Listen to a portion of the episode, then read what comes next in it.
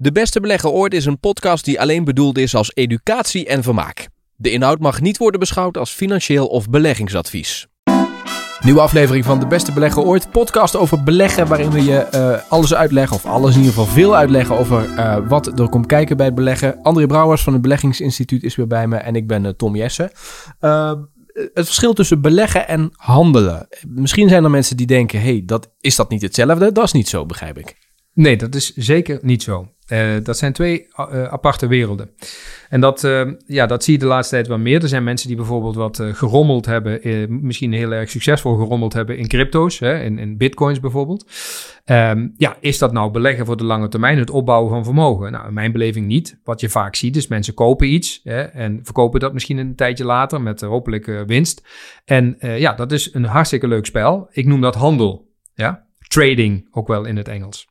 Nogmaals, dat is iets wat wij regelmatig doen. Ik ben zelf professionele handelaar geweest op de beursvloer en ook bij, uh, bij, bij bedrijven uh, als trader actief geweest.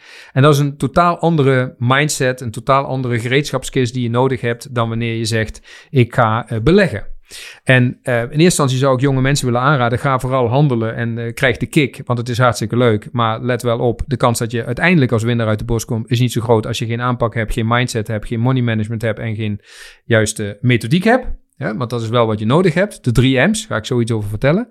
Aan de andere kant, als je wilt gaan beleggen, ja, dan heb je in feite um, te maken met het bouwen van vermogen over termijn. Dat is super saai. Maak het ook vooral saai. Iedere maand 50, 100 euro, 500 euro, net wat je kunt missen of hebt.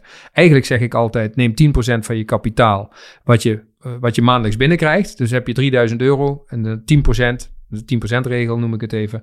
Dan heb je 300 euro, die betaal je eerst aan jezelf. Dan ga je zelf mee investeren. Dat is een investering die je voor jezelf doet voor later. Uh, heb je 5000 euro, dan is het 500 euro, is ook 10%. Op die manier. Als je dat je hele leven lang doet, dan bouw je een fantastisch mooi kapitaal op voor later. Vandaag word je er niet wijs van, maar je mist die 300 euro ook niet. Dat klinkt heel stom. Want heb je 3000 euro verdiend, dan geef je 3000 uit. Heb je 5000, geef je 5000 uit. Dat is in ieder geval mijn ervaring geweest. Dus als je doet alsof je maar 2700 euro verdient, merk je die 300 euro niet, maar die parkeer je. En niet op een suffe spaarrekening, maar die ga je investeren met een goed beleid. Oké? Met een goed beleid. Nou, als we gaan beleggen, heb ik al uitgelegd. Dat kun je doen door bijvoorbeeld ETF's, mandjes kopen, gewoon doorgaan. Dollar cost averaging. Dus dat betekent, ik heb maandelijks 300. Ik koop vandaag 300. Ik koop volgende maand 300. Ik koop de maand daarna 300. Nou, wat hoop je nou? Je hoopt eigenlijk dat je de komende jaren alleen maar dalende markten krijgt. Ja, dus geen verspreking, alleen maar dalende markten. Waarom? Nou ja, dan wordt het goedkoper. En als jij wil inkopen, dan wil je iets met korting kopen. Dus als beurzen 10% dalen, dan sta jij te juichen, want je zegt: Yes, ik kan deze maand voor 300 euro met korting 10% aandelen kopen. Zak het door met uh, nog een keer 300, uh, nog een keer 10%, dan zeg je: Ja, het wordt steeds leuker, want volgende maand kan ik weer kopen. Wat je dan ziet, is dat mensen gaan twijfelen. Die hebben die verkeerde mindset. Die zeggen dan: van, Ja, jezus, ik ben nou al, ik heb vorige maand gekocht, ben nou al 30, je, ik ben al 10% kwijt. Nou, dat is ook niks aan beleggen, laat mij maar weer gaan sparen. Hè? Nou, als je dat je mindset is, ga je het spel nooit winnen. Dus maak jezelf blij met de gedachte dat je hoopt dat het alleen één doffe ellende wordt de komende vijf of tien of vijftien jaar, want jij moet nog inkopen doen. Voor jou, Tom, hoop ik dat dat, dat, dat het situatie is. Want als jij vijf jaar lang, tien jaar lang, vijftien jaar lang kan accumuleren, je koopt, je koopt, je koopt, dan koop je op deze manier steeds goedkoper in. Je koopt, kijk, als een aandeel uh, eh, 50 euro is, uh, en je hebt uh, eh, 50 euro, koop je er één. Maar is een aandeel 25, koop je er al twee. Precies. Nou, op lange termijn heb je een enorme hoeveelheid aandelen die je op die manier kunt ja, kopen. Ook een belangrijke les hierin. Hè? Niet in één keer heel veel kopen, maar eigenlijk gaandeweg gericht iedere keer een plukje kopen. Zeker, omdat, ja, kijk, als je nu zegt, ja, maar wat doe ik nou als ik nou vandaag een erfenis krijg en ik heb 100.000 euro in handen? Wat moet ik dan? Moet ik dan voor 500 euro iedere maand gaan kopen? Duurt het tot Sint-Jutemus voordat ik ergens ben? Nee, dan heb je een andere problematiek. Want dan zul je met die 100.000 euro een andere strategie moeten gaan volgen. Dan heeft het geen zin om dollar cost averaging te gaan doen. Dat is een andere problematiek. Dus ook binnen het beleggen zijn er meerdere strategieën. Strategie waar ik het nu over heb is voor jonge mensen die vermogen moeten opbouwen. En dat moeten doen met kleine bedragen. Doe dat. Daar, maak je, daar word je echt heel erg blij van op termijn. Heb je grotere bedragen nu, of ben je wat meer op leeftijd, kun je ook gaan beleggen. Maar dan is risicomanagement cruciaal. Oké? En daar bouwen wij strategieën waarbij ik laat zien, door voorbeelden te geven van hoe je je vermogen kunt beschermen. Dus dan kun je nog steeds rendement maken. Dan ga je misschien niet voor het allerhoogste rendement, maar dan ga je voor een veilig rendement. En dat kun je doen door je risico's te managen met instrumenten. Wij leggen je uit hoe die instrumenten werken. Dat kun je zelf leren. Eh, wij doen dat voor. Je kunt ons volgen. Prima. Heb je een andere strategie. Daarnaast hebben we de handel. Dan plaatsen we even een ander muurtje. Hebben we het over handel. Ik heb net gezegd, daar heb je drie M's voor nodig. Mindset, money management en methode. Laat ik beginnen met de methode. Als je zo meteen wilt gaan handelen, dan is timing een belangrijk iets. Je moet dus weten wanneer moet ik iets kopen, wanneer moet ik iets verkopen. Hoe bepaal ik dat? Nou, ik bepaal dat aan de hand van grafieken. Dus ik lees trends, ik lees grafieken, ik kijk naar koerspatronen. Als het KNMI op enig moment roept 60% kans op neerslag, dan zou je zeggen ja, 6% kans op neerslag, 70% kans op neerslag. Hoe komen ze bij die wijsheid? Ze hebben weerspatronen bekeken. En ze weten van de laatste 10.000 weerspatronen die we gezien hebben, in 60, 70% van de gevallen kwam er neerslag. Ze zeggen niet geheid zeker het gaat regenen. Ze zeggen nee, weersverwachting, 60, 70% kans op neerslag. Ik heb tienduizenden koerspatronen van aandelen bekeken, van indexen bekeken, van valuta bekeken, van grondstoffen bekeken. Daar heb ik veel ervaring in. Ik heb dat door de computer laten berekenen. En mijn computer zegt: hey, hier hebben we een koerspatroon bij, de aandeel, uh, bij het index, bij de AIX. Kans op neerslag 60%. Dan zet ik op dat moment in op een daling. In de handel, want ik ga verkopen, ik ga short, ik ga de aandelen verkopen. In de hoop dat ze dalen en dat ik ze op een lager niveau kan inkopen. Dus ik ga eerst verkopen en dan kopen. Meestal doen we het omgekeerde. Gaan we eerst iets kopen en dan iets verkopen. Dat betekent ook wel long gaan. Je koopt iets, je verkoopt iets. Het omgekeerde short gaan, je verkoopt iets en daarna koop je iets. Goed, als ik die edge heb, als ik weet dat 60, 70% de kans is op neerslag. En ik doe dus iedere keer als ik dat patroon zie, doe ik hetzelfde. Want dat is de discipline die ik zou moeten hebben.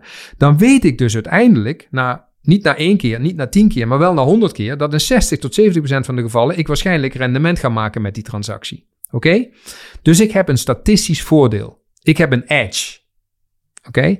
Dat heb ik nodig. Want als ik zomaar wat doe, als ik zeg, ja, uh, Ahold, lijkt me wel leuk, zal wel gaan stijgen. Eh, want uh, we moeten allemaal boodschappen doen. Of, uh, oh, olie, de olieprijs daalt. Nou moet je olies verkopen. Weet je, dat soort redeneringen. Ja, daar word ik een beetje moe van. Want dat is gewoon kansloos. Oké? Er zijn mensen die hebben dan één keer geluk, tien keer geluk. Maar honderd keer geluk achter elkaar gaat je niet lukken. Verplaatsen we ons terug naar het casino. Als jij in een casino komt en jij gaat het spelletje roulette spelen, Tom, hoe groot is dan de kans dat jij uiteindelijk het spel wint als jij het geld op één nummer zet? Ik heb dat nooit gedaan. Ik vind het echt. Uh, ja, ja, ja, ja, ja, Ik, heb, ben, ik, kom, ik ben één keer in het casino okay, geweest. Maar ik, uh, nou, het, is, het, is, het is één grote loterij. Goed, laat ik, je, laat ik het volgende vertellen. Het is heel simpel. In het casino, in het casino wint maar eentje en dat is de casino-directeur. Ja, en niet de speler. Ja. Oké, waarom is dat zo? Je hebt het roulette tafel heb je uh, 36 of 37 nummers. Maar je kunt je nummertje, je kunt je geld maar op 35 nummers zetten. Oké? Maar je hebt een 0 en een dubbel 0. Dat is 37 keer. 37 nummers. Maar je krijgt maar 35 keer je bedrag uitgekeerd. Dus statistisch gezien heeft de casino-directeur 54% kans om te winnen en de speler 46% kans om te winnen. Dan zijn er mensen die zeggen, ja, maar ik win wel in het casino, want ik ben laatst nog geweest, ik heb geld verdiend. Dan zeg ik, nou, gefeliciteerd, je hebt geld verdiend.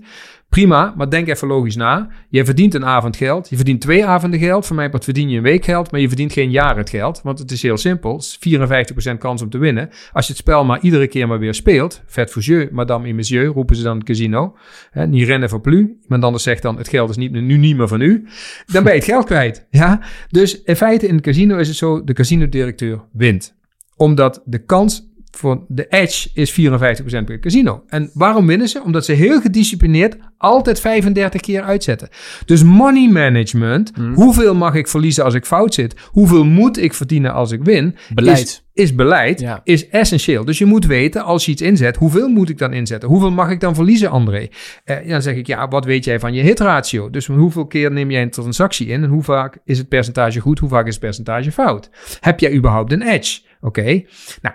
Dat is wat je nodig hebt om met beleid en met succes over time, op termijn, rendement te maken met handel. Dus al die mensen die nu in dol enthousiasme in een stijgende markt wat verdienen en wat winnen, daarvan zeg ik, joh, fantastisch, is casino geluk. Oké?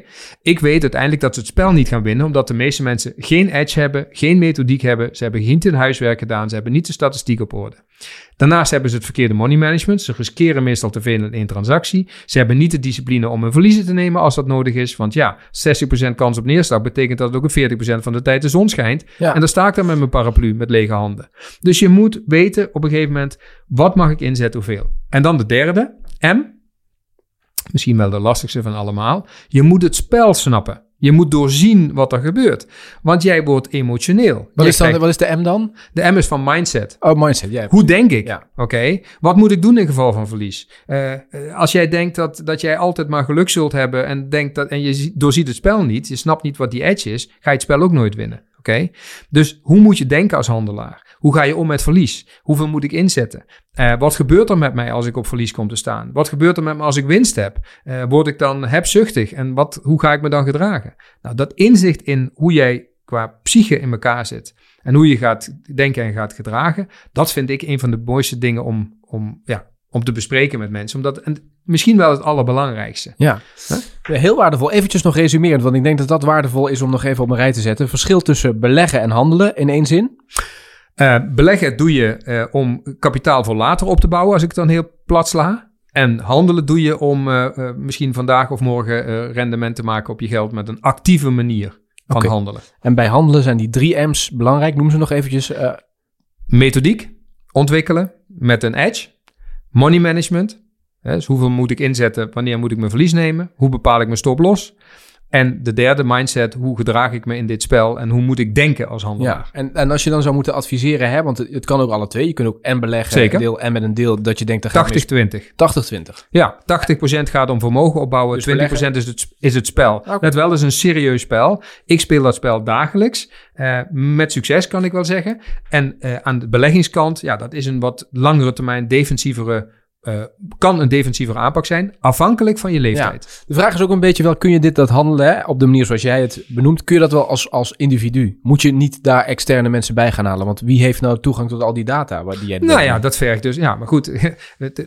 Er zijn mensen die maken daar zelfs een beroep van. Hè? Er zijn mensen die. Ik heb mensen opgeleid die, die eerst een baan hadden. Maar kun je dat ook op Google vinden? Sorry? Kun je dat ook op Google vinden, dit soort dingen? Ik, ja, tegenwoordig kun je alles op Google vinden. Maar wat je ook kunt doen, we hebben recent een zesweeks traject gevormd. waarin je zes weken tijd eigenlijk door, door, van, van A tot Z wordt begeleid daarin.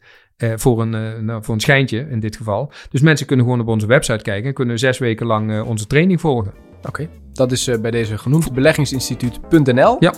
En podcast apenstaartje beleggingsinstituut.nl. Hè, Je kunt dit doen, je hoeft het niet te doen. Het is in ieder geval maar een tip, mocht je er meer over willen weten. Laat ons dan vooral eventjes iets weten via het e-mailadres of door een recensie achter te laten in de podcast app.